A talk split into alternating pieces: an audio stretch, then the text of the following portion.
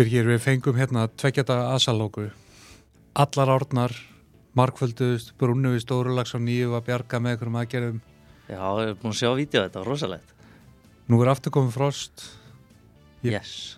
Eru prímalótt buksunar yfir galla buksunar á móndana. Þegar bílinn er kaldur, golden. Góldið, það er fyndið að sjá þig koma hérna á mótana á skristofuna. Þú ert allir dúaður bara. Já, ég fór og, og hérna talaði við hann andra kvítakúpumannin og hann græjaði mig upp í þessu ekkert tímann í haust og reyndist mér ákala vel í hérna haustuðinni og, og svo er þetta búið að standa með manni veitur, það verður ekki annars sagt. Þetta er góður svona staðalbúnaður fyrir okkar veðmenn, sko. Já, en kíkin í veðiflugur, ég fekk mér líka hérna svartan bökteil. Ég er búin að sakna hérna bökteil sönnreðana. Já, þú ert farin í svona klassiska, svona. Já, hvítúpa, bökteil, þetta, þetta er svona hálftransparent, það er eitthvað, eitthvað sexy við þetta. Já, það er annað virkar ekki, já. Vert að prófa. Já, við fengum góða gest. Já, þetta er þessi þáttu verið á ennsku hjá okkur og Já. svolítið svona rauðu þráður í gegnum þetta í sjúbyrtingur. Já, við fengum að Maros, menn þekkja kannski sem the Trout. Þetta er hérna Slovaki, hérna sem býr á Kirkjubæðglustri, fyrir þá sem ekki þekkja. Og hann á sér nokkuð merkilega sögur, náttúrulega endar hérna á til, fyrir tilvílinn á Íslandi, hefur keft í flugvið, verið í landsliði Slovaka í íþróttinni og hann hefur svona okkur skoðanir á því, farið víða, hefur enginn og bara Íslandi líku við sko, leiðis mér að segja síðastlegin fimm ár bara veitt til dæmis bara skafta og það svæði eitthvað við líka mikið sko Nei, hann er, hann er fanatísku veðmar. hann er faratísku veðmaður og við fáum nokkuð skemmtilega einsýn fyrst mér á, á þetta allt saman og, og förum bara nokkuð býða en, en já, sjóbyrtingurinn klálega rauði þráðurinn og hver er bestu vinnurinn með þér í veðinni? Bestu vinnurinn á bakarum? Það er, það er léttölið. Ó, já, eh, vikingildur, góða minningar og hérna bestu bílkaldur og allt það og hérna, en ég veit, ég hérna slögti í nokkrum vikingbónda hérna um helgina og þetta var þetta ég er virkilega þakkláttur þeim í viking fyrir að standa með okkur í þessu brasi og svo er það sjálfsög loopmerch.is Já, ekki skilja bakið eftir á bakkanum allt aftur í dolluna og hérna njótið Maros, welcome to Hillurin Hi, thank you for having me. So, you are from Slovakia Yeah, that's correct. so did fishing start for you there? Yep, it starts uh, in Slovakia. I grew up in a mountain area where I was surrounded with the rivers, which are still considered one of the only wild rivers in Slovakia. There's not dams, even though there's a uh, dams now. But back in the years, there was almost no dams, and yeah, I had walking distance from my house usually to the this spot. And when I was a little kid, I was always standing by the river and watching the people fishing there mm-hmm. And yeah that's how i kind of get into it my father was fishing when i was very little but it was more like a carp fishing but then i became starved with the fly fishing when i was 12 years old i s- So I think a lot of our listeners will maybe be familiar with Slovenia as a destination. Is it sort of similar fishing, similar water types and um, And species? slovenia slovenia it's the the waters are different they're coming from the alps they're much cleaner the the, the the the color of the rivers is different. I think in Slovakia, the the particular river where I'm where I grew up, it's very similar. It's uh it's this rocky, you know, Yeah. uh, uh, bottom, and the water is super clear coming from the mountains. So that Practical river I would consider as a Slovenian, but then the different rivers are different types. The, the so what would you be fishing for in Slovakia? what I fi- uh, what I started fishing for? Yeah, we brown trout, The brown grayling. trout, brown trout, and the grayling was the yeah the Mhm. main fish I was targeting there when I started fly fishing.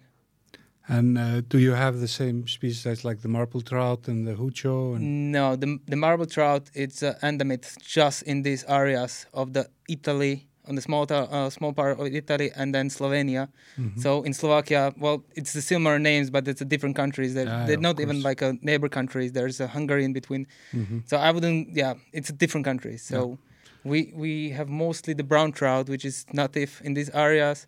Then we have uh, the chops, graylings. There's a native hucho, which is uh, all in all branches of the Danube River. Mhm. And there's also some whitefish like a barbel and different types of the yeah but mostly we're focusing on uh, on on brown trout, grayling, and of course the now in these years they're stocking the rainbows in uh, in the rivers. Not just these years, and already the rainbows start even spawning in some of the rivers back in Slovakia. How do you feel about that? Well, I feel maybe the same way as Americans start feeling about the browns in uh, U.S. They are starting to, you know, putting the browns about the about the native species, like the brookies and uh, and uh, and the rainbows, which are native in U.S. And here, of course, the rainbows can hold kind of worse quality of the water, so they're becoming in some of the rivers even bigger than the brown trout. you know. But of course, I think most of the people want to bring or keep the brown trout as a main species in this in these rivers. So when you started, how how were you fishing for these fish? And I were you remember- successful right away? Yeah, actually, I, I remember I was I started fly tying when I was 11. It was winter time, so there was not the fishing season. And I remember I had just this vice, which is not even for fly tying. It was you know this like for for uh, for carpentry work or something. And I was using the hooks that I found in my father box, which was carp hooks. And using the threads from my mom, and uh, I remember I was taking the materials from her fox coat and cutting it off. That was my first, you know, tying and like the dry dry flies or some books. There was not so many information. There was no internet, so there was not so many information at that point. But I had some books I got, and I I know how the dry flies or wet flies looks like. So I was just tying like, you know, the the flies like three centimeters long with uh, several several wings on them, which was completely messed up. But then I remember I tied the red. That I, that's mm-hmm. one of the basic flies, and I went w- to the creek first time alone, and I got a brown trout. I still remember it was like 30 centimeter brown trout on the dry on that fly that I tied Nice. when I was 12 years old at that time. Yeah. Is it a popular sport in Slovakia? Yeah, yeah, yeah. Yeah.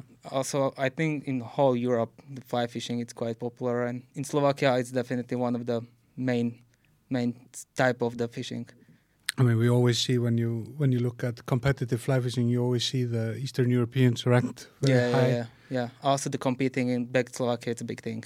I mean, it, we touch on that. Did you participate in competitive fishing at all? Yeah, actually, I kind of jump into competing quite early, and I start competing for some uh, teams.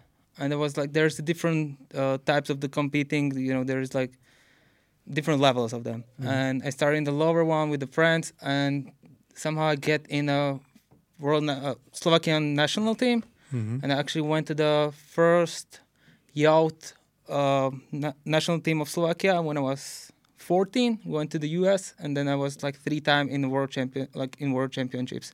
Ah, wonderful. Yeah, in U.S. in 2016 in in Portugal, where I became a second, and then uh, in the Czech Republic, and when I was 18 years old. Uh, that's very not in Icelandic culture, very much not in Icelandic culture. The sort of competing in fishing, at least not. I mean, a lot of people obviously compete. You don't. You only need to go to a lodge to figure that out. But yeah, sort of organized competition. But uh, I sort of got obsessed with this a few years ago, looking at this competitive and what what people are thinking there, because you can learn a lot of stuff from them, because it's all very mathematic of how you use your time and Yep, and, yep. and all of that. Uh, so did you take a? I mean, do you still today take a lot of parts from your competitive days into your fishing? Well, definitely it was a really technical thing. Well, we have a we have a coach. We're having the the meetings. We're like training, and we're making the the the list how we're gonna target each river, uh, different different uh, techniques, and like we are talking about basic like what knots we're gonna make. We're practicing the knots like short the time, you know. So you you're gonna spend most of the time for for actual fishing. Becoming efficient. Yeah, yeah, yeah. yeah it's it's about the numbers. It's about numbers, Yeah. uh, definitely. And I've also seen people discussing, you know, instead of catching big fish, it's better for the how they score the competitions to catch a lot of small fish. Definitely, because you get in point for each fish. For example, like ten points for fish, and then points for length. So for you, it's better to catch two 20 centimeter fish than Mhm. one 40 centimeter fish. because you can catch a lot more 20s. Yeah, yeah, and fighting is shorter, and then you can yeah. hmm So it's definitely you, you're focusing more on on quantity at that point. So let's say, uh, if just because I think this is very foreign to most of our listeners, the competitive fishing world. If we are competing on a on fishing on on a small river, sort of how how is it structured? How do you score points? Is there a judge following you, and and what is success in a competition like this? Usually the rivers are divided on uh, two sectors, and then you have a different beat on them, and you you drawing. So basically, it's gonna end up that you're gonna be the judge one round, and then you're gonna be fishing another round. So the the, the fishermen are the same as the judge, Ah. you know, in between you're the in between the rounds, yeah. And then you you have um, the measurement, which is like the plastic hmm tube where you have a the measuring tape. You have a you have a paper where you're writing the the the the catches, and then you have a certain time when you have to start fishing and finish fishing, and then trying to divide the river kind of equally. Uh, Of course, not always. You have to draw kind of Mhm. good to be success, but of course you can do the most on uh, each sector and stuff like that. hmm And then you uh, getting the points for each fish, and then you're getting uh, points for for for the length of the fish. I mean, how long does a fish have to be so you get an extra point for length? Or mm, you're getting certain amount of the uh, points for the length, and then for each fish you're Yeah. getting the the points. Okay, I understand.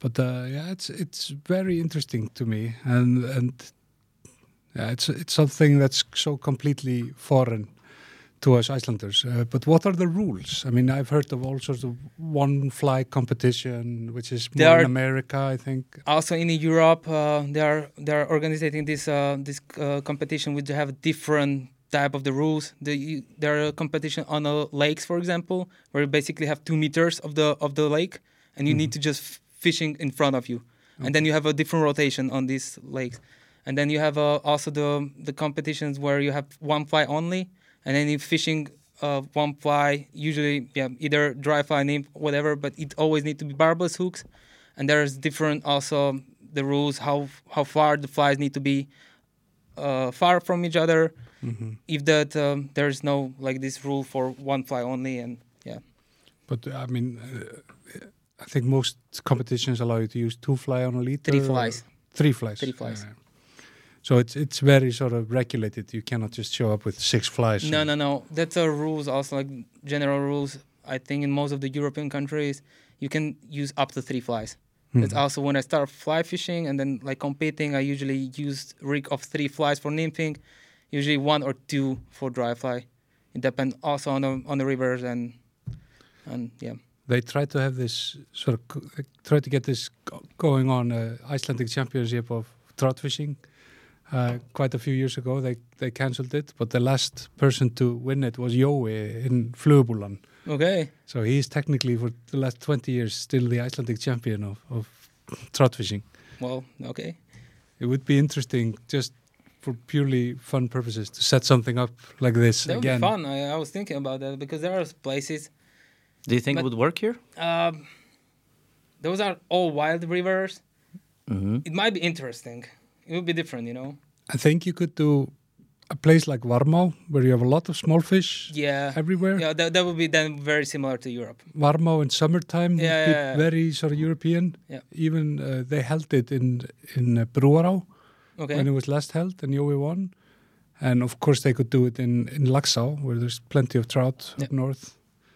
It would be interesting. Maybe we need to look into getting some sponsors here for, for hosting a For Icelandic championship competition. competition. Of, Yeah, Maro's doing all the judging. yeah, we would we would be doing some judging. It would be very interesting. yeah.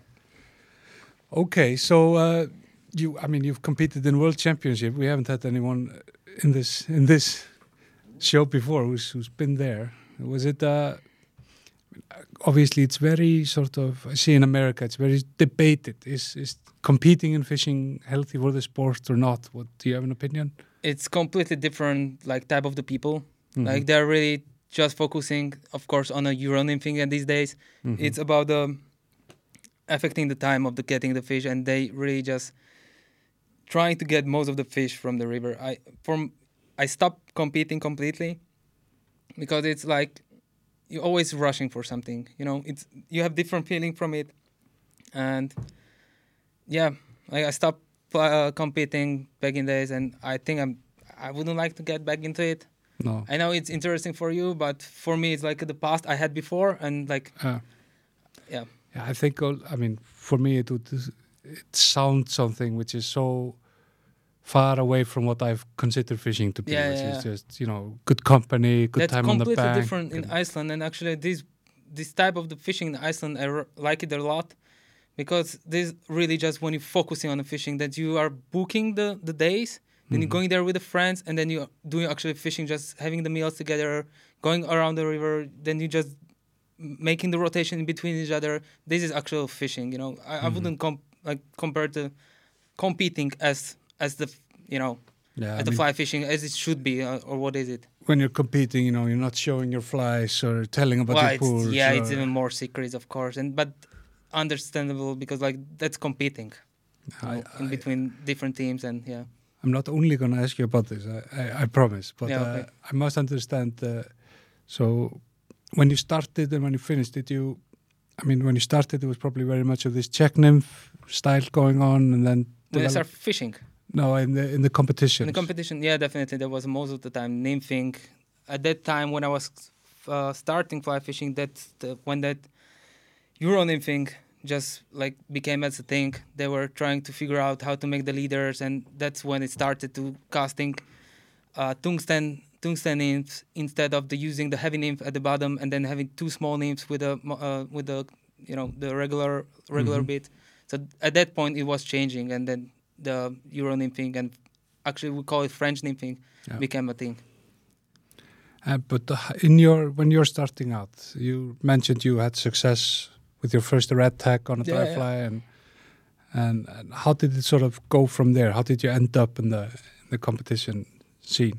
That was pretty pretty fast process in a short time because then I had some contacts in the shops where I spent a lot of time and of course if you're in a shop and in, in the circle of these people which was also competitors uh, competi- competitors then yeah I just get different information at that time when I was young I had to go always on the river with somebody who was 18 or older because those those are uh, public rivers and there's a different rule so I had one elder uncle, which was always taking me with him, and that was completely old school, just a fly line. He was not using the nymphs at the time. He was not using the dry flies. It was basically the wet flies, you know. And he was even telling me that when the fish were showing up, that was like just for no reason. It was not Ah. even rising fish, you know, the graylings and browns. And then I had the different information from the shops, and I was trying that things, and it was really successful, you know, in that river. So then I just start coming more in these groups of the people which was competing and at that point it was very exciting for me when i got the first letter that they nominate me for the world championships you know as 14 Ah, years old kid that was like so excited going to the us at that point it was where where did you fish in the U.S.? it was in pennsylvania Okay, i don't remember much i remember there was like little Juniata i meet few people from the pennsylvania and when i was mentioning these rivers that they know yeah these places it was but there's most most people in in uh, Eastern Europe when you're when you're fishing, is it all sort of leaning because you mentioned your older uncle who just likes to swing his wet flies Yeah, and yeah, catch yeah. the odd fish, or is the scene very competitive oriented? With that Uh, would you say most people are fishing to compete or to become better to eventually compete or, or just to fish to enjoy? that's I, I wouldn't compare because like at that point like these guys which was just on the river and trying to enjoy the time out there they really didn't care about the competing Mhm. and it's like I, it's something such different things especially when you are in a in a in this competition then you are really kind of almost not enjoying you can have a like pleasure time over there but you are really trying to get most of it and especially some people are really really in the competing and it's not fishing no. I would say it's it's something different. Like it's in at this this point, when I know how how the fishing is when you relax and you're just there, compared to the time when I was really competing, Mhm. that's I wouldn't do that any, anymore. no. No, I would find it very It might be fun if you go to the some competition they are making, and you just register yourself, just go for fun with the friends and just you know have you can have a good time, but you Mhm. cannot take it too serious. That's it's just an honor system. You yeah, just yeah, write yeah, your own yeah. It's also nice to you know compare yourself with other people on the Mhm. s- same river, but yeah. And also, I mean, if you look at the like in America, the comp- competitive scene there, they know because they stock the river so heavily. They know this stretch of river has 5,000 fish. So it's, They doing it also in Europe. Usually before the competition, they are stocking more fish. So Ah. actually, the people gonna be fishing. It's not just about the native. Yeah, it's not just about the native fish. That's why also it's even if you divide the river, not every bit gonna be the same. You know, Mhm. and some of the pools might be holding more fish, which they're gonna be stocking. You know, I wouldn't. I wouldn't take it too serious. Like if you want to competing or somebody competing, just take it on a on a level that you want to also enjoy fishing in a little bit different way than you going just with Mhm. yourself. You know. so uh, how come? I mean, you're you're in the national team for fishing. You fished quite a lot of obviously in Slovakia and around Europe with that. How come you ended up in, in Iceland? Well, I I moved here in 2014.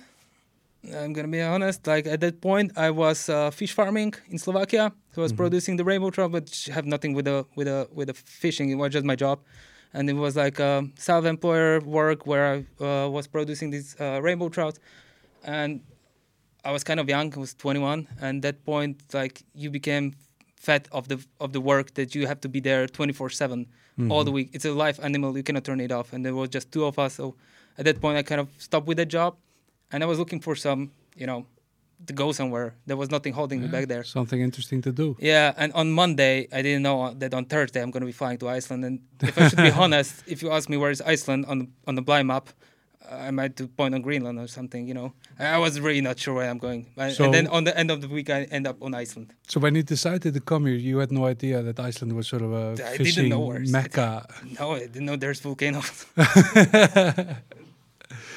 okay, so you end up in Húsavík. Were you working in fish farming there? Or? No, I end up in a, in a fish factory in Husavik together with Mhm. my friend, which was also fisherman, and we were actually making some trips in Slovakia uh, before we made the trip here to the Iceland, and then we end up there, yeah. And I remember first time when we just get here, we even fly from Reykjavik to the Husavik, and we saw all the rivers, all the lakes, and it was just like, wow, this is crazy, this is amazing, you know, so ma- so many waters. So Yeah. we were so excited about that at the first point.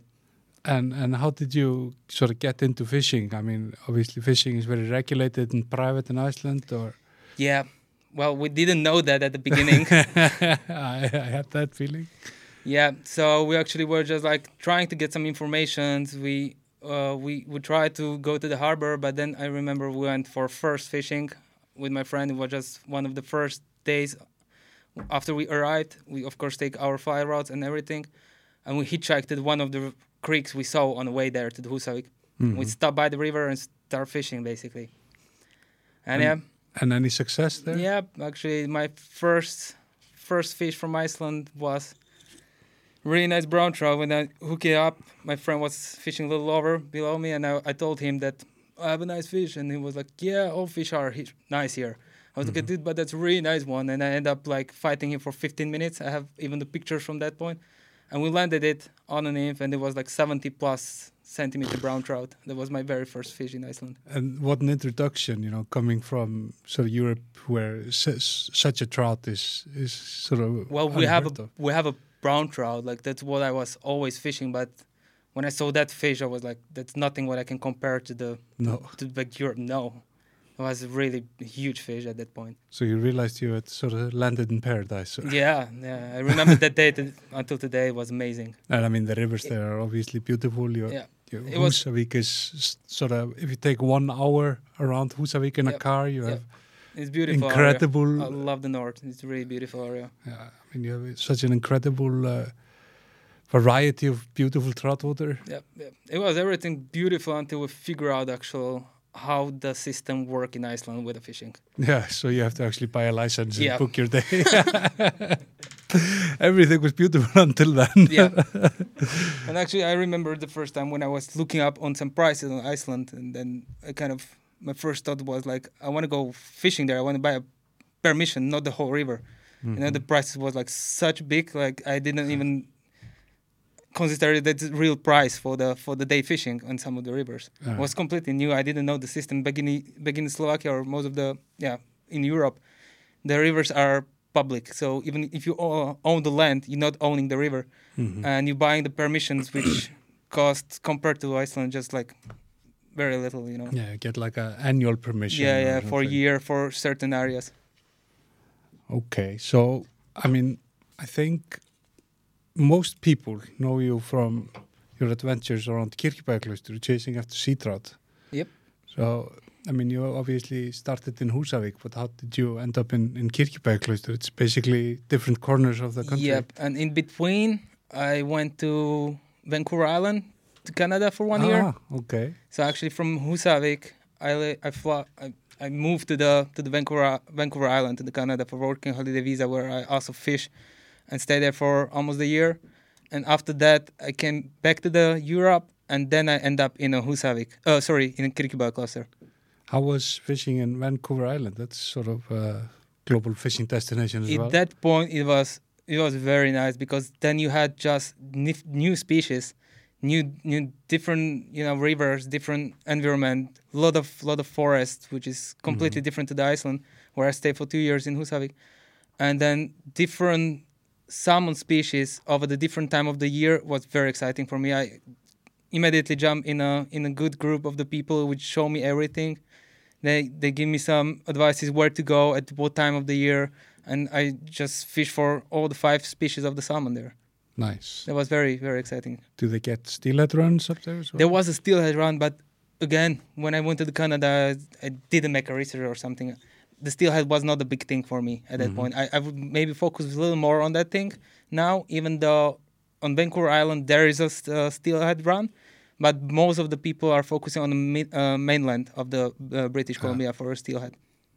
How uh, would you say sort of this?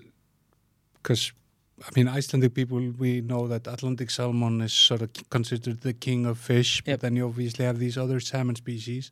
How would you say they compare?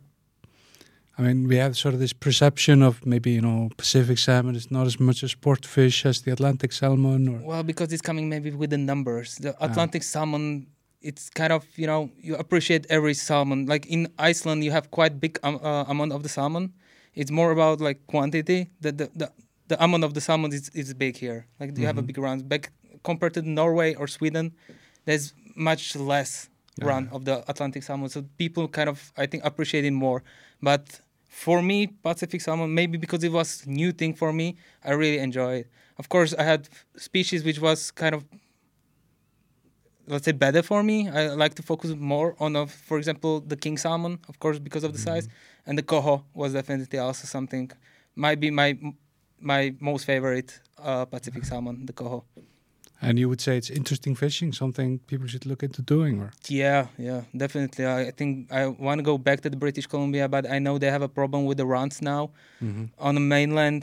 Uh, Skeena River having like yeah, the dropping numbers of the of the fish returning back, and also this year in Vancouver Island, the government completely stops fishing in fresh water because of the water levels.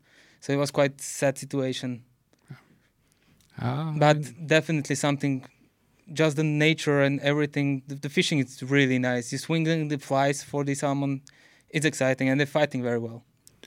and then you end up in Kirkjubæklaustur in By accident, 2017. yeah. Also, just like uh, without, yeah, I just got the, the job opportunity, and I get there, and I remember. Also, I was just fishing.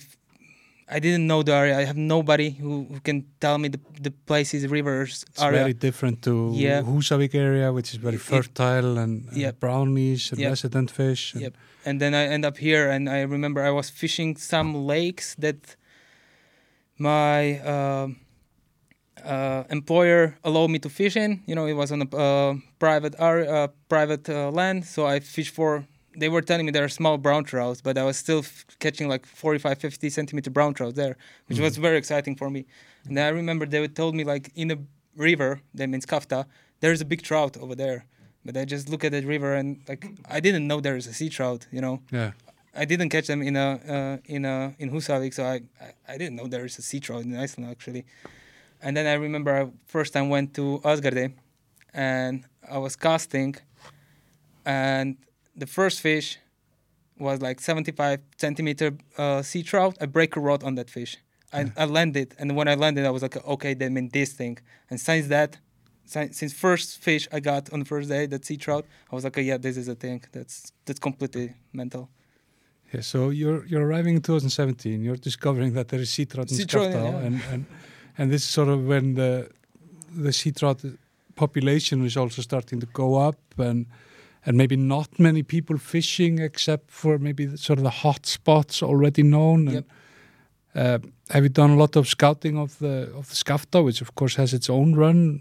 Well, after that, I make, of course, I I get new, more people, more farmers, more places, and I just make a lot of walk. I didn't have information about non-rivers. I didn't know the name, so I basically I just like use the Google Maps, and it was a, it was the time invested in all the places that I walk, fish, and yeah, discovered. You know, because like you can go to the different canyons in a different time of the year, and you just see the nice pools in the summer that I walk and there was nothing. And then I I go in the fall and there was a full of fish.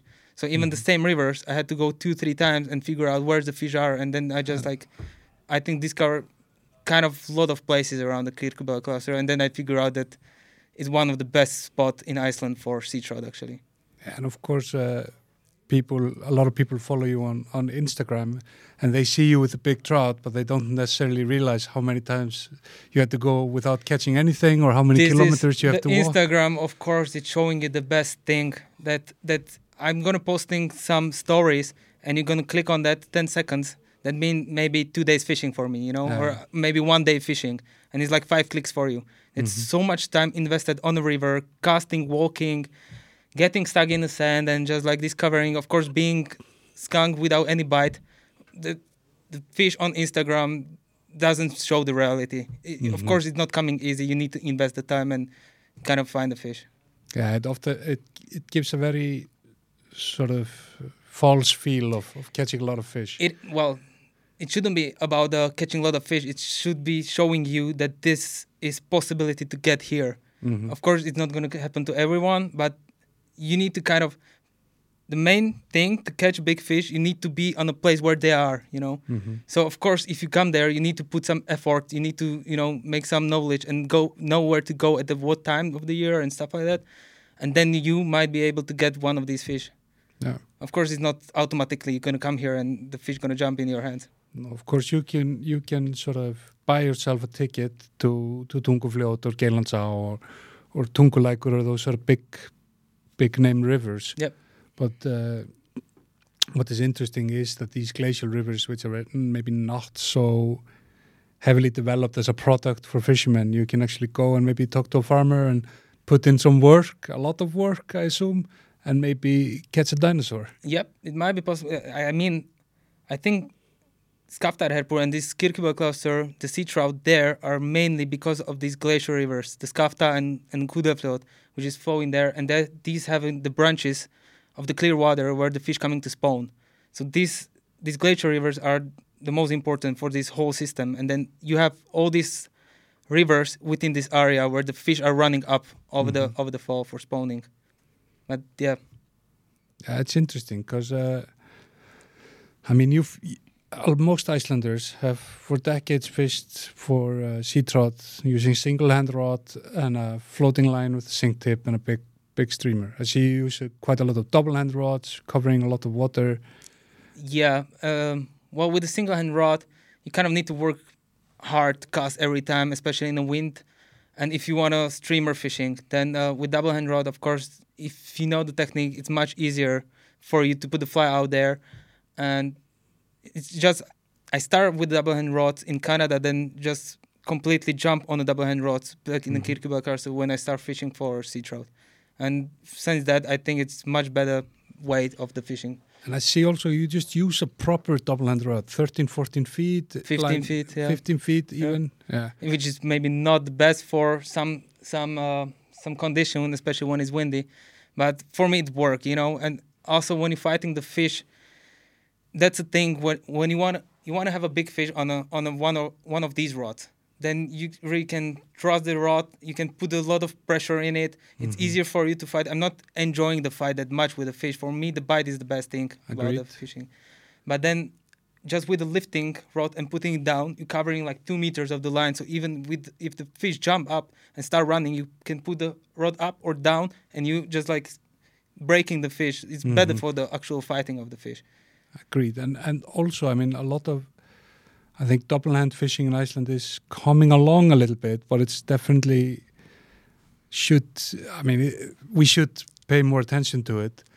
But uh, all of it is sort of centered around fishing small flies, floating lines for salmon in clear water. Yep. And so you see a lot of 11 6 switches, uh, 12 footers, 12 6. And it's sort of, oh, you're using this huge rod. I mean, we're fishing skaftá. You're fishing a, a fly such as the ones in front of you Yep. on a heavy leader, no, sort of heavy sink tip. Why not just use the tool that's made to do it, some some 14 footer or, or something? I tried. For me, it worked very well. This uh, I actually I try also. I have a switch rods which are good for for smaller rivers where Mhm. also when once you have a fish on it, it's just better for fighting these fish. And a big rods on such a place as Skaftá and Vatnamót where the actual river is wide 1.8 kilometer wide and you really have a lot of space behind you you have you're not limited with any casting then Mhm. of course it's much better to have it on one of these big rods and you say the river is 1.8 kilometer wide, at that point where and where there the is fishing- no sort of constant structure. There's no rock no or a, no or a or a, a break. that's or a, that's that's a different current current you just need to cover the water and find Yep. pockets in the sand and yep stuff. exactly that's what you're looking for there there you, you're looking for the different currents which making the reach in water where the fish are standing you always yeah Um, do you feel like um, because Vatnamót is you're fishing clear water where it meets the colored water? Uh, do you feel like more of the fish like to stay like during the day in the glacial water and It- like try to fish that rather than the clear water? it depends also if they're running or it's a stable weather when they're just hanging in some of the pools.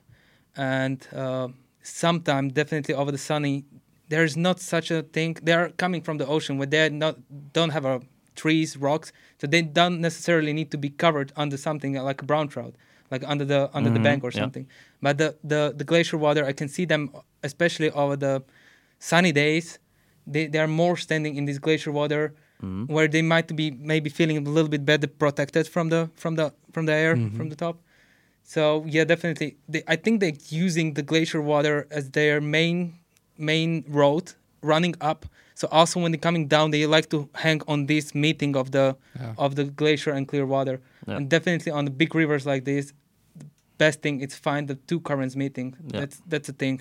That's only thing what you're looking for on such a big place because like when you're coming to the to the to the Vatnamót, let's say, Mhm. that's like that's like lake. You know, you, you can, almost cannot see the uh, the other side.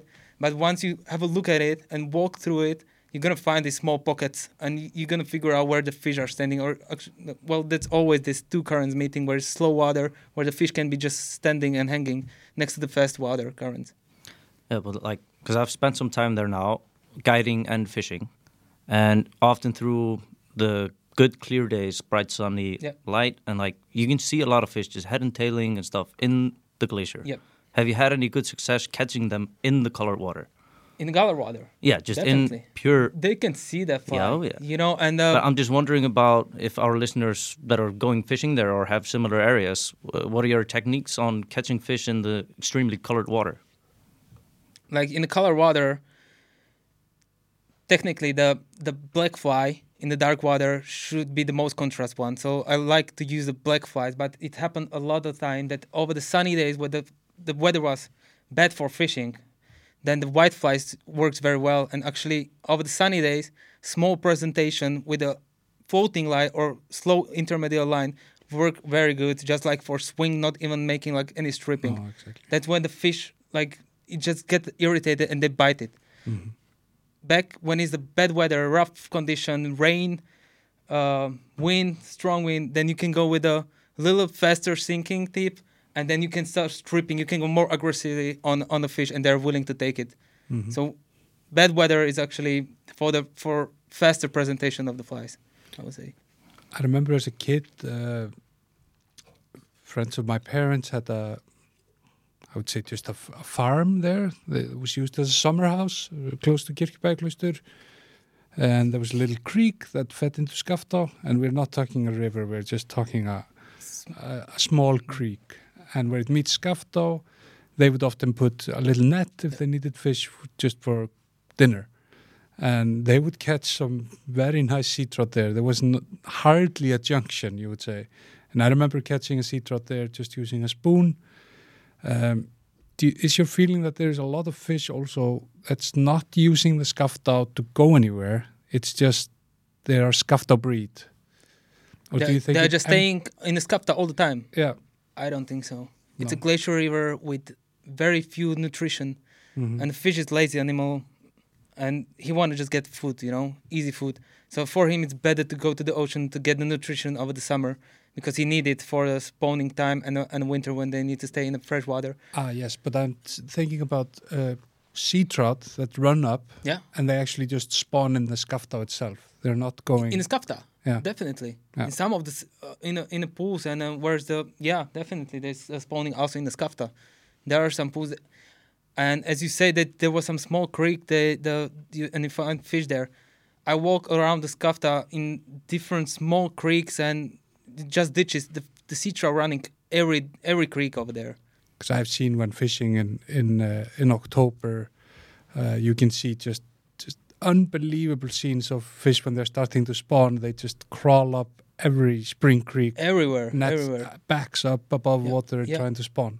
Later in the season, you can find them in a in a top area in the Skaftá, be- and they they starting, of course, from the bottom, but then Mhm. there you can find them all the way up, and definitely some of them gotta be also spawning in a in a glacier water. So I, I'm I'm not asking you to spot burn yourself or anything like that, but would you say it's worth for someone who's willing just to put in the time to get one nice fish to and has access or, or believe he has access to just go and fish it step by step with a with a double hand rod and a sink tip and just Anywhere in Skaftá, definitely. That over, the, especially in the spring when they're coming back to the ocean. Also, when in the fall when they're running up, they they're going in every pool. I I, I have information. They they are almost in every slower water, deeper deeper bank or something. They're just you're gonna find them there. Like mm-hmm. I, I fish even in the glacier water in the spring, completely colored, and the fish are showing up there, and you can you can catch them almost everywhere in Skaftá. but of course in the spring the river is a little bit clearer because there's not yeah, so yeah, much melt. definitely, it's getting clearer. But in the autumn, you, you stop at the gas station in Kirkjubæjarklaustur when Yeah. you're fishing. You look at the river; it looks nice, but it's just so damn murky. it's murky, but even in that water, you can get a fish. Hmm.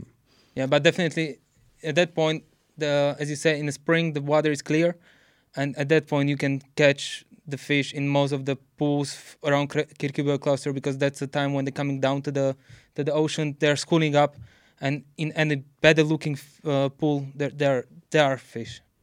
what do you look for? Just slower water.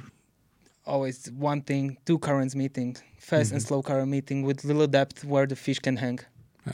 And they're very often also showing them on a on a on the surface.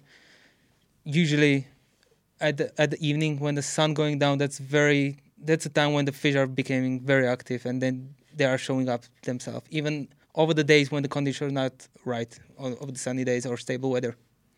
I've heard some uh, crazy stories of the area sort of below Vatnamót, sort of Skaftá og Hólmasvæði. Have you fished, fished that? Movabat. Sorry? Movabat?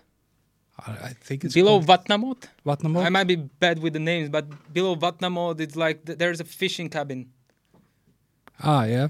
Is it's it called correct? Skaftá beat number two or something. I don't remember what it's called. Movabat, I think. Below Vatnamót, on the same size, but closer to the ocean, Mhm. like five kilometers or seven kilometers. yeah. Yeah, I fished that. I fished that two years ago. I know uh, there's even the the fishing book. It's like very simple, but really nice, very remote cabin in middle of nothing. And there was a book from 1918. Uh, I, I don't know exactly the, the the year, but 1987 or something when the fish uh, people were fishing there. And my informations are that the the Skaftá changing currents every 15 years from left to right. And before they used to be holding pools. Now when we fish there, we didn't almost found any any place where the fish can be standing. Even when the currents were meeting, usually the the water was very very shallow. So probably you can be lucky there at the time when you're gonna catch the run, and the fish gonna be running in the schools up. But at that point, I saw one fish jump. I came there on the first cast. I got the fish, and there was only fish we got in five pre- people in three days. Oof. But you you can get lucky there with the good run, but definitely what I heard that's not holding pools, and we didn't find any holding pool over there. Mhm. Ah, It's just it's so interesting now. I mean, sea trout has been on the rise. Obviously, prices have been on the rise as well. Some Yeah, rivers are fetching more money. It's you can hardly get a, a fishing license on on some of these. um, The most of anymore. this, my information, is already booked out even for this year. Mhm. So But it's it's uh, yeah. I mean this this is maybe not the most interesting part to me to talk to you about. Is it's not the the Eldvatn, the Geirlandsá, the Tungufljót. It's it's all the other stuff that if you just uh, are willing to put in a little bit of work, that you can actually just go fishing and, and is- work for a trout there. there is still a lot of, I would say, undiscovered places, and especially places or the rivers which are not run by kind of bigger corporates or, or I mean companies. Mhm. there are still rivers and creeks which are in private hands and the farmers have it and it's quite a lot of them but some of the places or most of the places you need to know someone who knows someone to get there. Yeah, yeah. and there are also the farmers which for example they don't like spring fishing and they were even offered by some good money but they don't want to anybody fish in the springtime. And there are the rivers which the the farmers just keeping for themselves. And they don't want, want actually anybody fish there because like almost every creek almost every branch which is there connected to the Skaftá and also closer to the uh, Skaftafell area which is also there's big river systems all these rivers i believe holding really nice sea trout And and I mean some of these clear creeks, like you mentioned them and stuff, it's not they're maybe not so fun to fish. They're more spawning grounds. So they so if you fish them, you would kind of clean them out. higher areas definitely i understand also the point of the farmers which i appreciate a lot that they're putting the respect for the nature above the money. And they're like so they like their land so much they don't want to actually ruin this Mm-hmm. populations even if they don't fish for it. They like to have these rivers there untouched. And definitely high uh, higher places on these river systems are very very important for next populations. It's just it's so intriguing. I, I wish I had had some more time to explore, but uh, and then now we've been seeing because with the rise of sort of fly only and, and catch and release, Yep. we've been seeing just the size. Because if you look at old fishing videos from people going to Skaftafellsísla and fishing, they're I mean they're not catching maybe unnecessarily great numbers. There will always be these stories of people hitting the run in Vatnamót and just cleaning out 200 fish in two days and and all that. And then you see them catch a big fish, what they consider to be a big fish, what looks on the video to be like a 10, 12 pounder. And you've been catching, and I mean, we've all been catching, but especially you, you've been running across a lot of 90 plus centimeter fish. Have you noticed that they are getting bigger and more of them are getting bigger? I think for me, just such a short time fishing here that uh, I can be comparing the, what was like five years ago because I am fairly new in this thing. But by the informations and like my opinion, of course, catch and release will produce bigger fish. The the, the sea trout, by the research, is long long uh, long term living trout, which can live up to 18, 19 years. So Mhm. basically, if somebody was taking the fish, it can be killing like 15 years of fish, which which I think it's crazy. And yeah, of course, in the future, the people gonna be probably starting c- catching bigger and bigger fish. With with this area, it became like catch and release just recently. I think it's just gonna increase in the next year. I And my it's- opinion, even a couple of years back, was that the sea trout are the future of Iceland. Mm-hmm. Uh, definitely. It's just it's yeah, it's it's interesting to see that three years ago maybe when I really started going there quite a lot. You know, a 90 centimeter fish was a huge, huge, huge fish just three years ago. Even last, you know, 2021 in Tungufljót, you, you know, it was a rarity. Somebody got a 90 centimeter. It was, you know, almost on the news. Yeah. And now it's sort of moved to 95 Yeah, and then over the hundred limit. I think we're gonna get there in a couple of years now because like if you're not gonna kill that fish, it's gonna grow. They're gonna Yeah. they're gonna they might be dying. It's very the old old old fishermen. I I mean like outside fishermen. They really think that after you catching the fish, it's gonna die anyway. So that's why they was like um, excuses they they killing. But it's also about like how you how you handle the fish after after after catching dry hands and keeping the fish in the water that's like basic like i think Mhm. most of the fishermen know now but once you release that fish it's just gonna just of course grow bigger and i believe it's gonna increase also in average sizes in all these areas and also my my my theory what we're trying to prove now with the uh, with the tagging the fish is that the sea trout not necessarily like a salmon running the same uh, river Mhm. as as a salmon. I think they are mixing in groups at the at the year, and they're kind of running the, of course, the same area, but they might be running different rivers in the same area over the different years. Ah. So even if you are protecting one river in a lower section, and then you have a catch and kill in a top section, it might be affecting also the different rivers which have a catch and release for for for years. Mhm. So, but now once most of the rivers there became catch and release, I think just it's gonna show in a, in the next years. Yeah, I think it's very exciting. We've been tagging a lot of fish in Vatnamót. I That's can't wait to catch one of these with Yeah. you, just to see how they how they're growing over the year, and especially if we're gonna catch them also in a different if different section of or different river as we ta- uh, catch them and tag them first time. And will you be catching them? You know, will you be catching fish from Vatnamót in Eldvatn? Or That would be ex- yeah, that's what I'm saying. That would be exciting to see, and of course it's a slow process because like you cannot tag them all, and Mhm. of course it's gonna show up just after a couple of years. But that's also the nice thing about that. It's like small Vatnamót work. is of course the most interesting place to tag them in. Yeah. Yeah, definitely. Uh, that's that's a place where three or four rivers meeting together.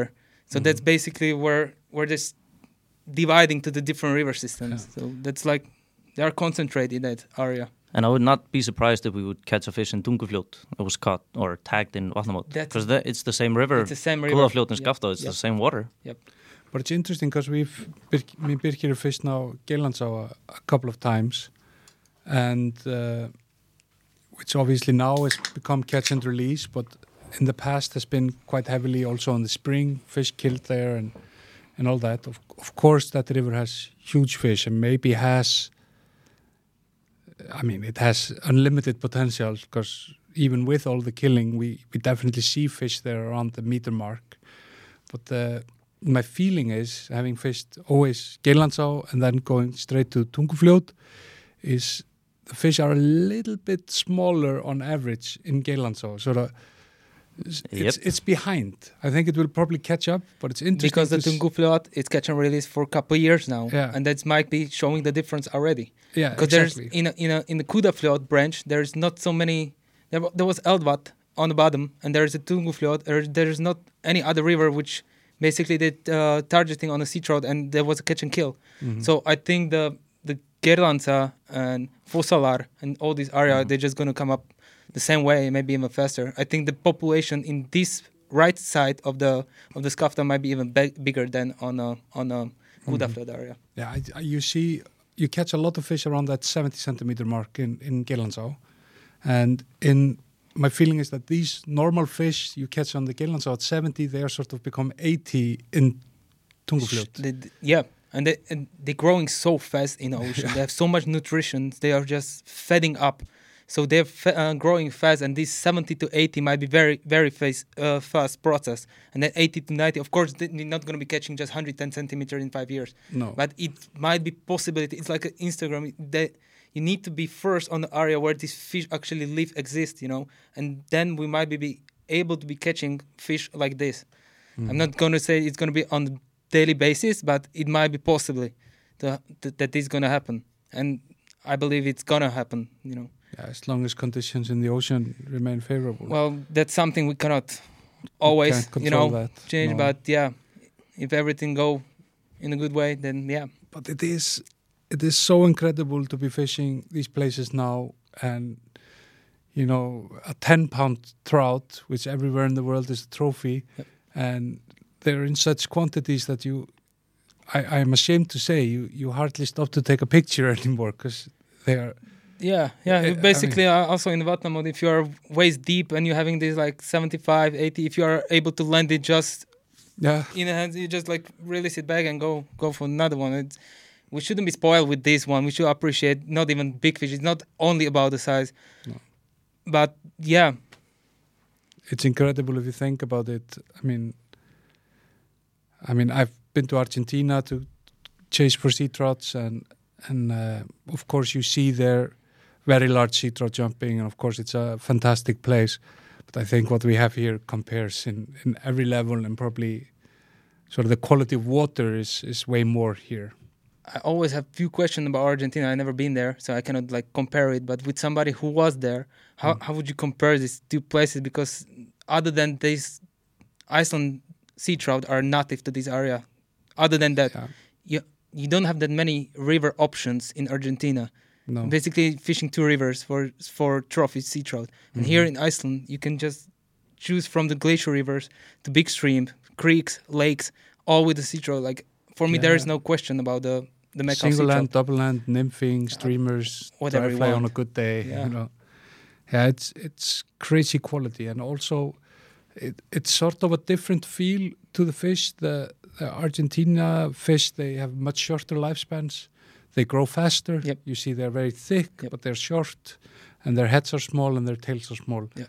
Uh, the biggest sea trout I've, I've caught, I got in Tungufljót uh, 2021, and you know, 95 centimeter male. It has this big, big head. head. That's the, that's the best. It has the scars on the belly. yeah, the, the, the the bottom of the tail is all worn out. Yeah, it tells yeah. a story that it's spawned many times, and it's yeah, it's spawning marks and It's everything. got The- the- character. absolutely. The the the profile of the fish, the head, and everything. This what you mentioned. It's just the the most beautiful part of this sea trout here. The Mhm. quality of them, the, the size, and they are amazing. That I, I have no doubts about the the sea trout mecca. and I mean I I fished, you know, I obviously I'd fished a little bit out east, but for many years, I mean, just a small river like Varmá was sort of my my go to for for sea trout, and you're not gonna get many, you know. 90 plus, you know, Yeah. I, I've only caught them up to 85 and, and I've heard of bigger fish, but um, I think people around me, which for a while we used to sort of obsessively fish this river and I think there seems to be some sort of a barrier at 85, how big they can Yeah, get. yeah. But then you're fishing for 85 centimeter trouts the same way you would be fishing in Slovenia for 30 centimeter trouts on your, Definitely. on your knees nymphing with Yeah, a yeah, yeah. four or five weight. It's I mean- it's mind blowing. You went to Varmá, what, first time last year, or? Yeah. And like, how did you like it compared to everything you do out east? You can compare it. it's Yeah. different. It's different river system kind of. There's like a lot of this uh, the the brown trout, the juvenile juvenile size. Yeah. Yeah, it's very But- fertile. Yeah, but also the pools.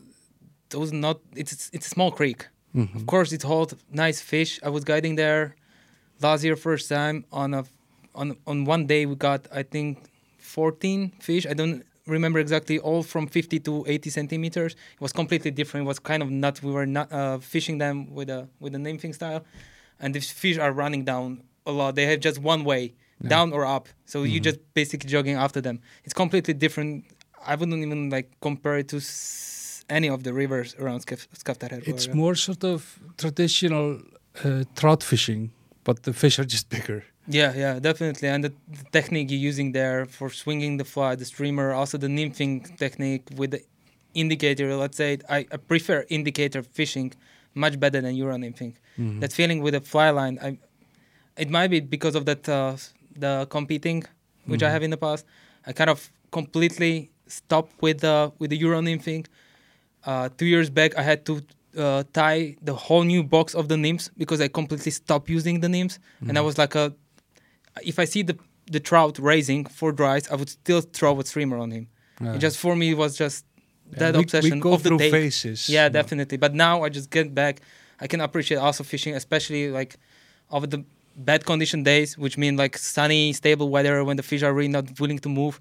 You kind of need to bring that fly right be, uh, in front of the face when, if they like it, they're gonna bite it, and they n- do- doesn't have to chase it necessarily. Mhm. Yeah, I mean Varmá when you have water because it fluctuates quite a quite a bit. Yeah. just fishing a, a floating line and a plastic sunray or something, it's exceptional. But a lot of times when it's low water, you just have to be on your knees. Yeah, yeah, definitely. That's but that's in most of the places. I think the people should figure out once the fish see you, it's behave differently. Mhm. You know, it might be more more careful and stuff like that.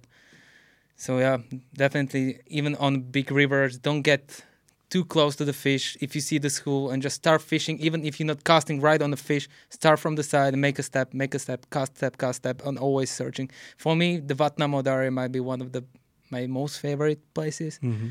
because it's such a big area and for me the game there it's not the catching it's finding the fish where they're standing once i find them i don't i don't even have to cast there i'm happy to, that i found them Mhm. that's that's a game for me there to find the fish Interesting. Yeah. I it's yeah, it's always a it- it's always a niche. I mean, in the beginning you like the fighting of the fish, then it's the take, and then it's just for yeah for me to take like in a in a different area but for me always it's a take mhm. which is the best part of the fishing the take and then releasing the fish that's what i'm enjoying yeah. I went through a, little bit of a Euro nymphing obsession, like 2015 or something. Uh, modern nymphing, you know, I saw that and and really got into it for a, for a little bit, and then I just said I like to cast a fly line. Definitely, the feeling is different, and I can see it. Like everybody probably went or will go through the Euro nymphing. They either like it. I, I have nothing against it. If you like it, enjoy it. It's just my opinion that I'm not enjoying that much. The feeling with the line, it's just completely different, and I can see it sometimes on my customers. There are big Euro nymphers and stuff like that coming, and then we have a rising trout, and it's problem to cast a fly on eight meters with the dry fly. Uh, I think it's more. It's. I mean, it is fly fishing, but it's more to do with, for me at least, it has more to do with just catching fish than just. definitely it's, fishing, it's, you it's know. effectivity of that thing you know you're bringing the small bites in front of the face which the fi- fish doesn't even need to be hungry or willing to take they, they might have that um, passive phase of the day and they're just willing to take it because it's right there you know But it's good to sometimes save your ass. absolutely that, that's that's why i start with the nymphing because once you're guiding you need to the people don't care that it's like not good weather for streamer they want to catch fish so you, you Mhm. need to like use the technique which is gonna be producing even and on the even days you know the- you've paid a lot of money for your days and absolutely like, Tungufljót or something. yeah, It's yeah. low water. uh, you and- want to catch fish you know Yeah, and just you're gonna put the fish down or spook them with a big streamer and a Yeah, sink yeah. tip, and that might happen yeah, it's it's interesting. I'm I'm because I haven't fished so much these sort of I haven't fished Vatnamót and I I fished you know uh, S- Syðriholmi and and Flögubakkar and I mean Flögubakkar for example in May when there's not there's nothing stopping the fish from going down. Yep. And there's not really a pool there. It's there's very little structure. You you cast your line out. You even feel it sort of skipping on the sand. It's not even deep, but all of a sudden just boom, Boom. 80 plus centimeter sea trout. Mhm. Why? There must be so much fish if they decide Ev- to be there. That's what i'm saying that in most of the pools in, on the way down they're gonna be stopping on small small pockets it doesn't necessarily be need to name pool No. and that's a thing where you can discover a lot of places just if if the water level allows you to go to this place it's always worth it Mhm. you know it, there might be less people fishing before there might be less stress for the fish and they might be just rested there and they would be willing to take your fly even on the first cast But I also noticed what what must be part of your kick. Uh, you talk about finding the fish in Vatnamót. Is I go to Flögubakkar. I wade into the middle and I fish every hand all the way down.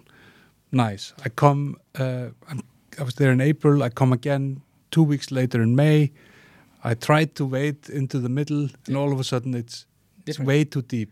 And it's not that the water level has changed so much. It's just the sand has moved. moving. That's a that's a nice thing. Also, the Vatnamót pools m- they can change almost over the night. It's, If- all, if it's water- irritating also, No, I love it's it. I love it fun, because you know, it's a challenge. The the pools are kind of still on the same areas, but there's a different rivers, and even one river raise up, one drop down. The stand is Mhm. moving, and like the pool which was there week before might not be there this time. You know, Mhm. so that's also nice looking for these places. like we had in 21, that we had this eruption in Grímsvötn, which Yep. created a flood. And I was fishing my days in Eldvatn and all of a sudden the and also Grenlækur the water turns murky Yeah. and they're not in the same spots as they you're used to and it, and you just kind of have to go and, and find them Find all them over again, again, and then it goes back to normal and having Skaftá go up to 600 700 cubic Yeah, yeah. meters it moves the sand completely and it's just ah fuck it everything I've learned is now worthless and let's go again but that's that's a fishing. You're learning all Yeah, the time. of just course. like you know, different different, even weather on the same river. That's what I was saying. Even when I was scouting the areas and going to the one river, it might be beautiful river without the fish. Then you need to go in a different time of the year when they're actually in that system. So Mhm. there's also in the different areas of the floats. They are going to be coming maybe closer to the banks on some rivers. Then when the water drop down. In Vatnamót, they might be going more in the glacier water. They, they, they're moving. That's that's what I actually like about that place. Have you fished these places a lot during just summertime? You know, July, Mm. early August. early like in in Skaftárhreppur area in some of the years last year the f- sea trout start running very early like in Mm. middle of Ju- uh, July the fish was already in a Jónskvísl scene you know In Jónskvísl? Yeah, Ah, yeah. okay. that one of the first in my opinion one of the first sea trout which is possible to fish for it's in the Jónskvísl Yeah, Jónskvísl, Grenlækur, yeah, that yeah in this area, one, yeah. usually around first weekend of August, Yep, is, it's- was always it's- considered the best time in Seglbúðir, for absolutely. because the uh, the the Jónskvísl and Grenlækur coming like a first creek to the Skaftá hmm in the river mouth of the ocean. So that's the first sea trout that's just going to be hitting in that direction, and that's the first clear water when the, f- the sea trout going to be running up. hmm And also the fish, they can, uh, though they're early up in Grenlækur and all the other spots, they're early as well in Vatnamót. They Yeah, just yeah. have such a big area You to. just Yeah. can't find them. They can Yeah. be 300 fish in Vatnamót without you and ever in finding Vatnamót them. we're fishing like one the top part up there, yeah. but then in between the ocean and us it's like such a big area and nobody actually walking there. Actually, yeah, the, the currents are a little different. Like the best area where to fish in Vatnamót is up there, but below that's such a huge area where the fish can be a also hiding. And how many fish we're catching in the in the Vatnamót area, and how many fish need to be stretched all the way to the ocean. I Yeah. mean, there's a great numbers. Man, I just want to go and, and, and walk Kúðafljót and all these places with the my Kúðafljót, I heard that they were doing the research, and by this research, they say they might be the biggest sea trout in the world living over there. Mm. Yeah. I know it's very hard wading over there with the with the, uh, the quicksand and stuff like that, but that got to be very exciting area as well. I we had a, one of those scientists here on the show, and he said, you know, I've I've caught some fish in Kúðafljót during research in, in nets that you just wouldn't believe. Yep. And I mentioned Wow. Argentina and, and some of the 95 centimeters in in, in Tungufljót and stuff, and he was just smiling and Yeah. shaking his head. Well, actually, I would believe him. Believe him. That that area is, and not so many people fishing in that area because there is not really access to Mhm. these places. At least I didn't. That area I didn't kind of figure out. That uh, that uh, east side. There's plenty of side. time left. Yeah. Yeah, oh yeah. Still some time left. yeah, we always need to have some next thing to do. Yep. But it's also, I mean, of course, problematic, and what makes it dangerous and hard fishing these rivers is you have to wait and you don't see where you're stepping, and it's black sand even Yep. if you see it, It is and quicksand. And have you gotten into some deep shit with the quicksand? well, not me, but I had a, I had a, Bjarki? yeah, the Bjarki. Yeah. let's that. Yeah, yeah. Ah, yeah, it was last year in the spring. They kind of get stuck, start panic, call a rescue team and stuff like that. I was kind of pissed because he got stuck at the time when was the like, the best time of the day when the fish start biting after all day. the sun go down like one hour, like half hour before sunset, and that time you know when it was getting darker, and then you have Magic the guy hour. there stuck, freaking out that he's getting caught, stuck with the leg down. Right in front of the car or something. No, well, we're kind of far. We actually, I don't Was it- remember. We need to bring the shovel, but yeah, there was I think Was it three out or four. from out from Fossálar Junction? It- no, it was in a, about the bucky, Okay, okay. about the bucky, and then we need to yeah dig him out and, and take Ah, him home. Well, uh, like I feel for Bjarki, like it's not fun. Yeah, no, I- I've, I'm not. I'm not. stuck in this. It's I'm, I'm not. I'm not laughing on that. Uh, It might be terrifying, especially one time it happened to me with a customer from Germany, and that was scary to see because like he was walking right after me, and he, I was watching him. He made one step, and he was completely stuck. Yeah. And just like there's this sand without no pressure before the drop, so it's kind of Mhm. fluffy. And Mhm. once you step in it, it just closes itself. And both of these guys were telling me that have a lot of uh, pressure around the ankle and they cannot really move it. Yeah. And at that point, luckily there was another group guys fishing below us, and they bring us the the shovel as well to dig him out. I was just like calming the guys. That's everything fine. Like luckily there's no water level rising up or going down. So if you stay calm, you're gonna get if you have a help. It's not good to fish these areas alone. And also, it's good to remember: don't try to pull your leg very hard out, straight up, because it's very un- unnatural movement for your knee. So you might dislocate your knee and make even more damage. So just stay calm, and hopefully somebody else can help you out from the sun. Yeah, I've, I have once had an incident in Eldvatn where I where I was about to get completely stuck in, in sand and and I sort of had this big sturdy salmon net and I stuck it down and was sort of able to Yeah. create some room to pull up pull my leg out and I just dived into the river and then swam ashore and then this net was standing there from the sand uh, so a friend of mine waited out wanted the salmon net back we never got the net out he ended up breaking Wow. the shaft of the net because the sand was so sucked So much it pressure just on sucks it. Yeah. around the net and just and it's kind of i would say dangerous one of these rivers with the black sand and the clear water. You not always can estimate the depth and everything. And also it happened to me. I was fishing Eldvatn uh, about the old farm. And there was a nice nice island and i want to just go over it and jump over it. And my friend was telling me like it's too deep you cannot get there. And i was like i can see the water like it's not that deep you know like I, i'm fishing for long i made one step and i was like knee knee knee deep in water start swimming throwing my five boxes out on a, on the water it was it was one step and Uh. i was completely like swimming in the Eldvatn. Is one of the creepier rivers to wait in it's it's amazing river it's like you you, always you kind of need to need to figure out the place Yeah, it's this.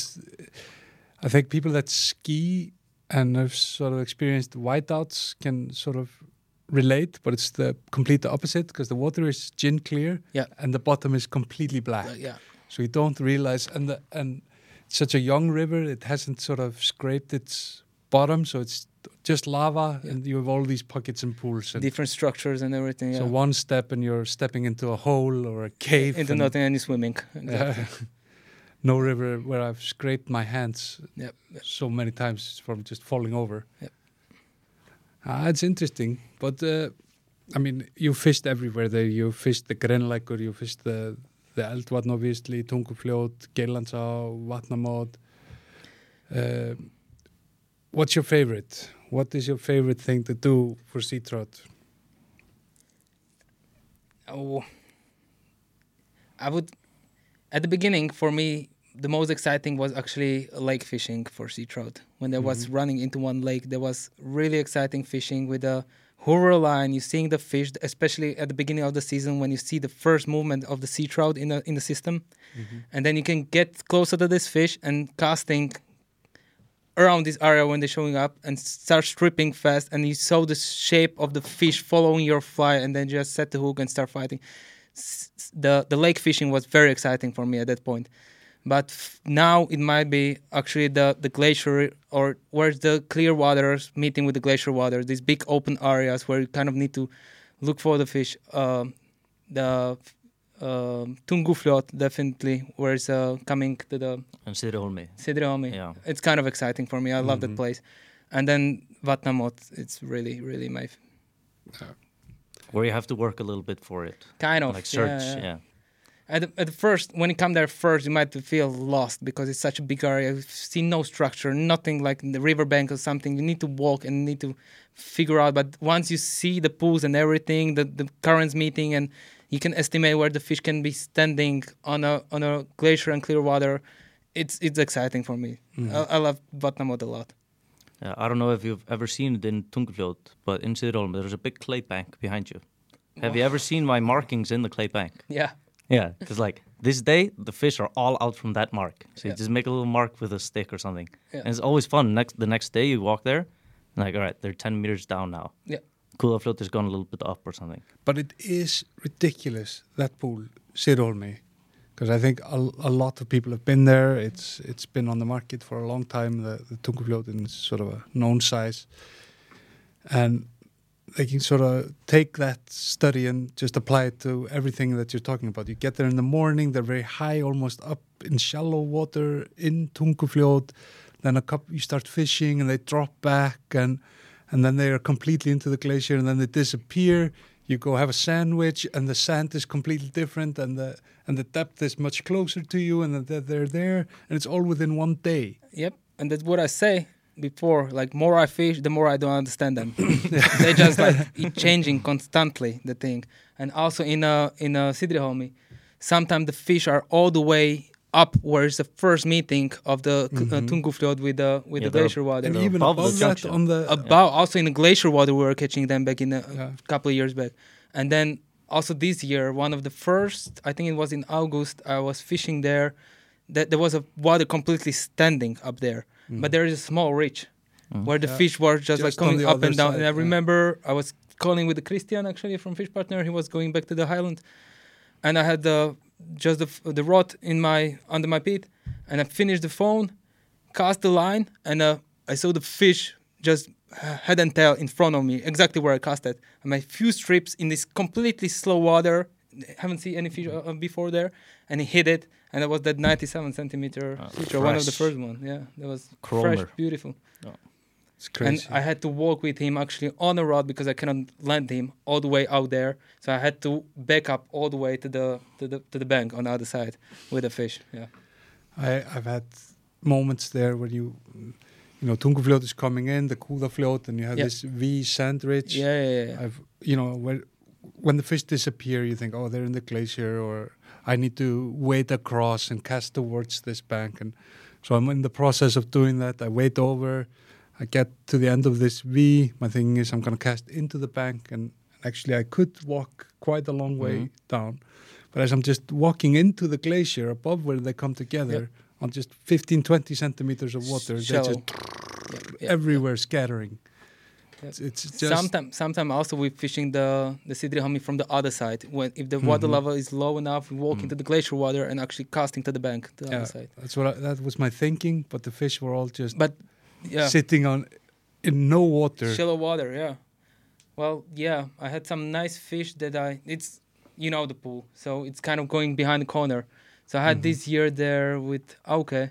Mm. Actually, one fish which dragged me all the way down that I had to climb on a Yeah, on it's a dangerous. and going down and I landed like 200 meters below because actually the fish was already tired laying down but there was no place to No. to land it and I was already like 5 meters above the uh, the river so I had to walk down on the beach and land it there and then there was that one ri- fish which get me in um, end of the backing it was a yes. very similar situation. I hooked the fish a little higher up, where's the currents meeting. I fight the fish at the beginning, just in the top section, and I thought I'm gonna land it over there, but the fish just decided to go down the river, and I did the same thing: go behind the corner, climb up the hill, walk down, and at the point where I landed, that I think that was 92 centimeter fish before. At that point, the fish just start running all the way down, down, down behind the other corner, and my line get cut in a in a one of the of The the, grasses which is falling there, in the yeah. water, and I end up swimming in the water, trying to rip off the backing out, and I just seeing my reel coming like completely to the end of the backing, and then I broke off the fish. I've yeah. seen many fish lost by just going down from Sidraholmi. And it's Yeah. the only place I have actually found full fly lines Yeah, in the Yeah. water, no fish attached. It's like, okay, yeah, I know that feeling. yeah, Birgir, we, we know a couple of guys that actually went around Sirolmi Yeah. in total darkness, there Mm-hmm. for the first time, uh, landed a beautiful fish while completely shit faced.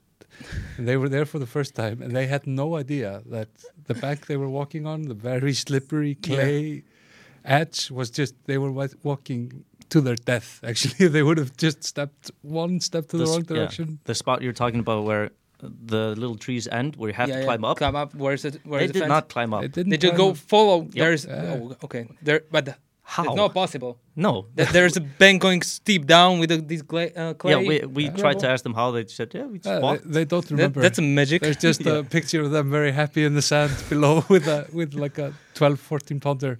Oh, yeah. But yeah, it's uh, it's definitely one of the more interesting uh, stuff you can do in Iceland is, is fishing these these places.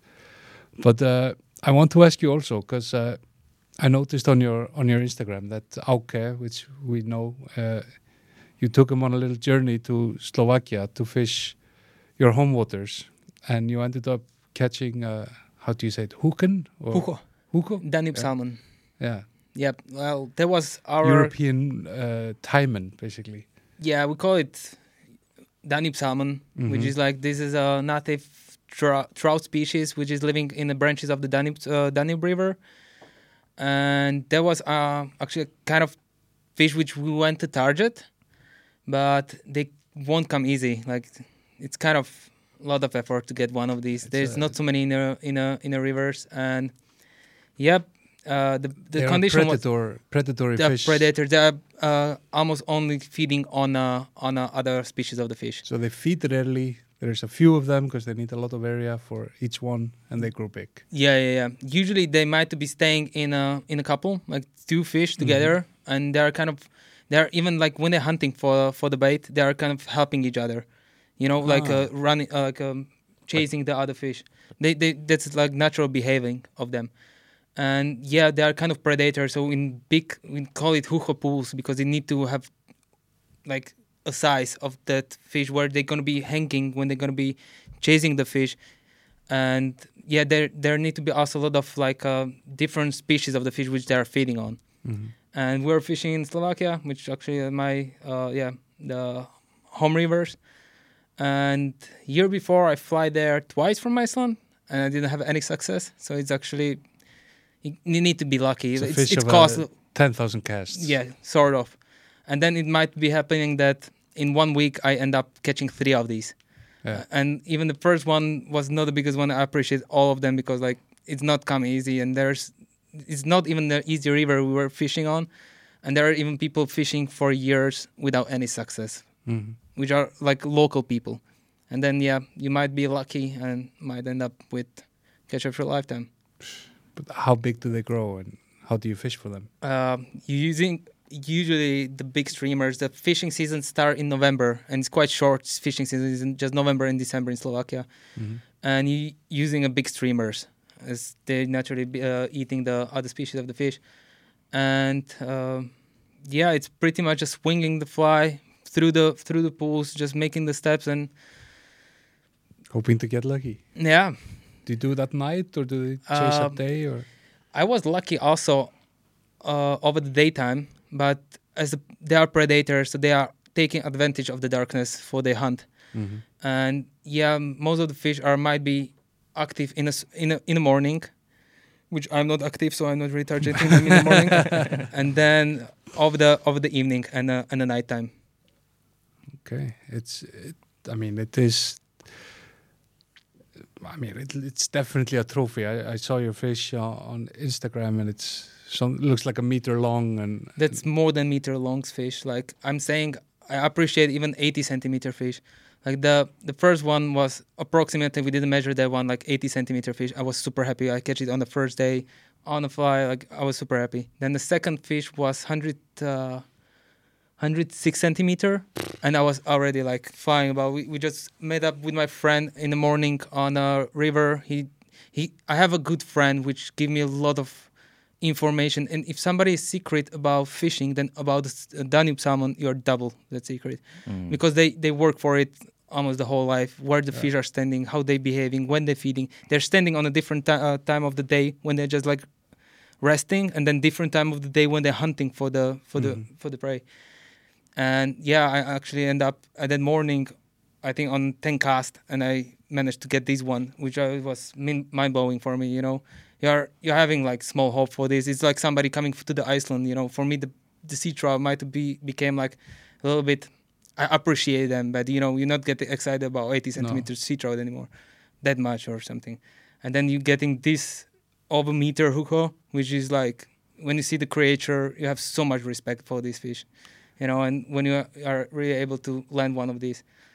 And after that it was not very it's it's different type of the fishing you kind of need to casting to different spots you know for for Auke it was not it was good school what he was saying, you know. Mhm. Then he left the the the Slovakia, and I decided to stay a little longer. And on one of the last days, I went for another session, just completely alone. And then when I managed to get the biggest huko, it was like 116 centimeter, and it was it was awesome fish. It's impossible to get a good photos of those fish if you're alone. No, that they, they just they're too heavy. They just droop. also holding that fish is kind of different because like they are so long, Yeah. so they are kind of bending in a in a Uh, you know. So What what is the limit in length to these things? they I know they found some fish, that one which was up to 150 centimeter, That's insane. and maybe even yeah. And the thing is, I mean, when you have a fish like that that is predatory, even if you find it, it might have just eaten a two-pound trout and it's just digesting and it's not feeding for another five days. Absolutely, that's what they're doing. to actually, when I when I managed to hook this one, I was just going for the evening session alone, wait in my pool, which I like because I know how to wait it. It's quite quite big river, and then suddenly you just had a hit. Three days, nothing. You don't have a hit. That's a thing also for the huko. Not so many people. That was good thing that I actually show also the people, local people, that they have this size of their fish also in their rivers, but not everybody willing to take this fishing for a couple days without any bite. You Mhm. know, it's but for some of the people, that's a thing. One bite make a difference, and that's what you willing to spend on a river, even if there's no bite. You know, I fly year before and have in two sessions zero fish. You know, and then you suddenly have a have a bite when you need to just set the hook strong as possible, the strip sets, and hold the fish absolutely tight. You know, Yeah. and then you're fighting the fish in com- kind of completely darkness in a waist deep currents and stuff like that. It's incredible because the trout, the trout that feed on insects always have to feed. Yeah. Trout that feed on other fish, which are not sticklebacks, Yeah. they're you know adult fish. Yeah. They only have to eat once a week or once every two weeks. Yeah. Or and that that what was actually my first thinking what I was saying that uh, why he eat my fly. There was like really in a big pool where you casting step casting step that fish eat my fly. And it makes sense like you casting the fly which is making the already run you know? It's like swinging through. It's just behaving differently. There's also when you see the giant trevallies when they uh, chasing other fish which is already on a hook and they're just going around it because it's Mhm. already somebody chasing some fly. And that's exactly what is happening with the with the with a Danube salmon, if they're on a hunt and they already see the your fly chasing or behaving differently, that's why they're willing to take it. uh, It's some unnatural behaving going it's like through. a sick fish or yeah, struggling yeah, yeah, fish. or, or some different fish already. That's why uh, uh, that's what I said at the beginning. Like they might be living in a in a couples when they're helping each other for chasing the this this white ah, fish. So, so the thing is, maybe the other fish is chasing, scaring this very, fish away. very, very kind of often. Also, I have information that they caught one one Danube salmon and they continue fishing, and then within five minutes they caught another one from the same pool. Ah, Mm. I mean, it's like uh, fishing in Tungu, uh, no, in up in the highlands. When you catch a one pound char, Yeah. then all of a sudden, boom, five pound brown trout. yeah, Dum, might dum, be. dum, Yeah, searching, searching. It happens so many times. Yep. And they're That's just curious same about an injured yeah. fish, and they're trying to bite the tail, and then you throw a little streamer, nothing. I remember fishing a, a very cold river in the in the east, which flows into uh, Lagarfljót, and they have some chars there. And I, I had hooked a couple of chars, and there's this big sort of man-made structure to protect the road from the river when it's Mm. high, and there's apparently just been a carnivore trout because it's way too cold of a river to support a trout population. So I'm fighting this tiny little char, and it's coming to me, and from the rocks just shoots like a ten pound trout. Yeah. Just I'm grabs trying to grab it. grabs the char sideways. I pull it away from him. He goes back into the stones, and he comes back for the same fish and back into the stones. I told my friend who lives in Ailstad, he went there again and again, never. Never happened. Never- again, never That's exactly what I was saying. That the people which are like targeting the the Danube salmon also over the season when it's not a season for them and they're fishing for brown trout or grayling, very often happening that you're fighting the grayling and a huko will gonna attack your fi- uh, Ah. your fish. You know, and then you also this is a knowledge when you know where the fish standing, where they uh, when, when Mm. where they where they biting and stuff like that. So this come November, you know, you know, a hookah was spotted there in yeah, July. yeah, and you remember that's the thing. That's a knowledge that you know which you just need to kind of, yeah, gain by by the time spent on the river. Actually, okay, Mhm. he managed to spook two fish over one meter in that in that time. He was just walking one time after I got that uh, second We're walking down the river. We're continue fishing, and he he started kind of swearing, and he almost stepped on one fish which was about a meter, and he said it was right under his feet in the ah. shallow water where he was resting. But I think that's very sort of common to these predatory fish that they, when they've already eaten, Yeah, they they just will chilling. just go into the very soft water, Yeah, yeah, yeah. spend as little energy as they Yep. can, so they use all their energy on digesting. Yep. It's such a such a different game and different aspects Yeah. to take into account. I can see how somebody can get obsessed with fishing for hucho. Yeah, yeah, it's very easy. They're ghosts. Yeah. w- once you get the chance or get the bite or g- if you get the fish like you landed that you are you are addicted on that thing it's just completely different and because it's just so little of them kind of little of them or they are like not everyday catch you just get b- obsessed for some people for big streamer fishermen it's really something which people love Mhm.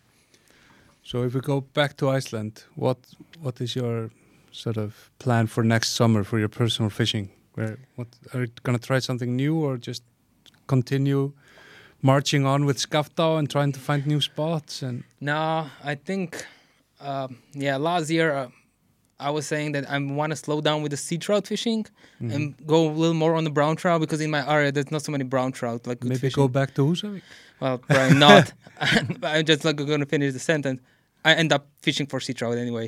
It's just better, you know, the fresh sea trout when they come back. I was like, hell yeah, I, I just gonna fish for sea trout. It's the best thing, you know. But definitely, I want to fish a little more for for browns, and I'm not a salmon fisherman at all. And last year, I went to Lunga, Mhm. and I enjoyed the most. Just like these smaller rivers with a single hand rod, getting this, let's say, small small salmon up to Mhm. 70 centimeter. I, I love it. It's just completely different. Just Yeah. maybe because it's so different for me, I love Mhm. it so Mm. much. Yeah, it's definitely for us the sea trout is the change away from that scene. Yeah, so, yeah, uh, yeah. That- We all go through phases in Yeah, this. exactly. So yeah, if we can expect to see you. I mean, I would encourage everyone who's listening to follow you on Instagram, Jungle and the Trout, uh, and and follow your adventures because you you're quite uh, active in putting stuff up there from your adventures Yeah, from time to time. from time to time. Uh, one question: Where where does that? Because it's quite a strange putting of words. Jungle and the Trout. Where does it come from? Yeah, it's also like you were asking me about my name on Instagram, uh, on the Facebook. Yeah. It was just completely made up, and I used to have a account, personal account, which was Jungle in the Box, like Ah. fuck in the head. Yeah. Let's say that way. So I just come up with Jungle in the Trout, and Ah. my actually my friend, when I when I just say that, he he'll, he like it a lot, and just end up like that way. And actually, yeah, I like it now. Great. Um, I think we've we've touched on all the points. I would I'd like to touch on you with you, Maros. Uh, Okay.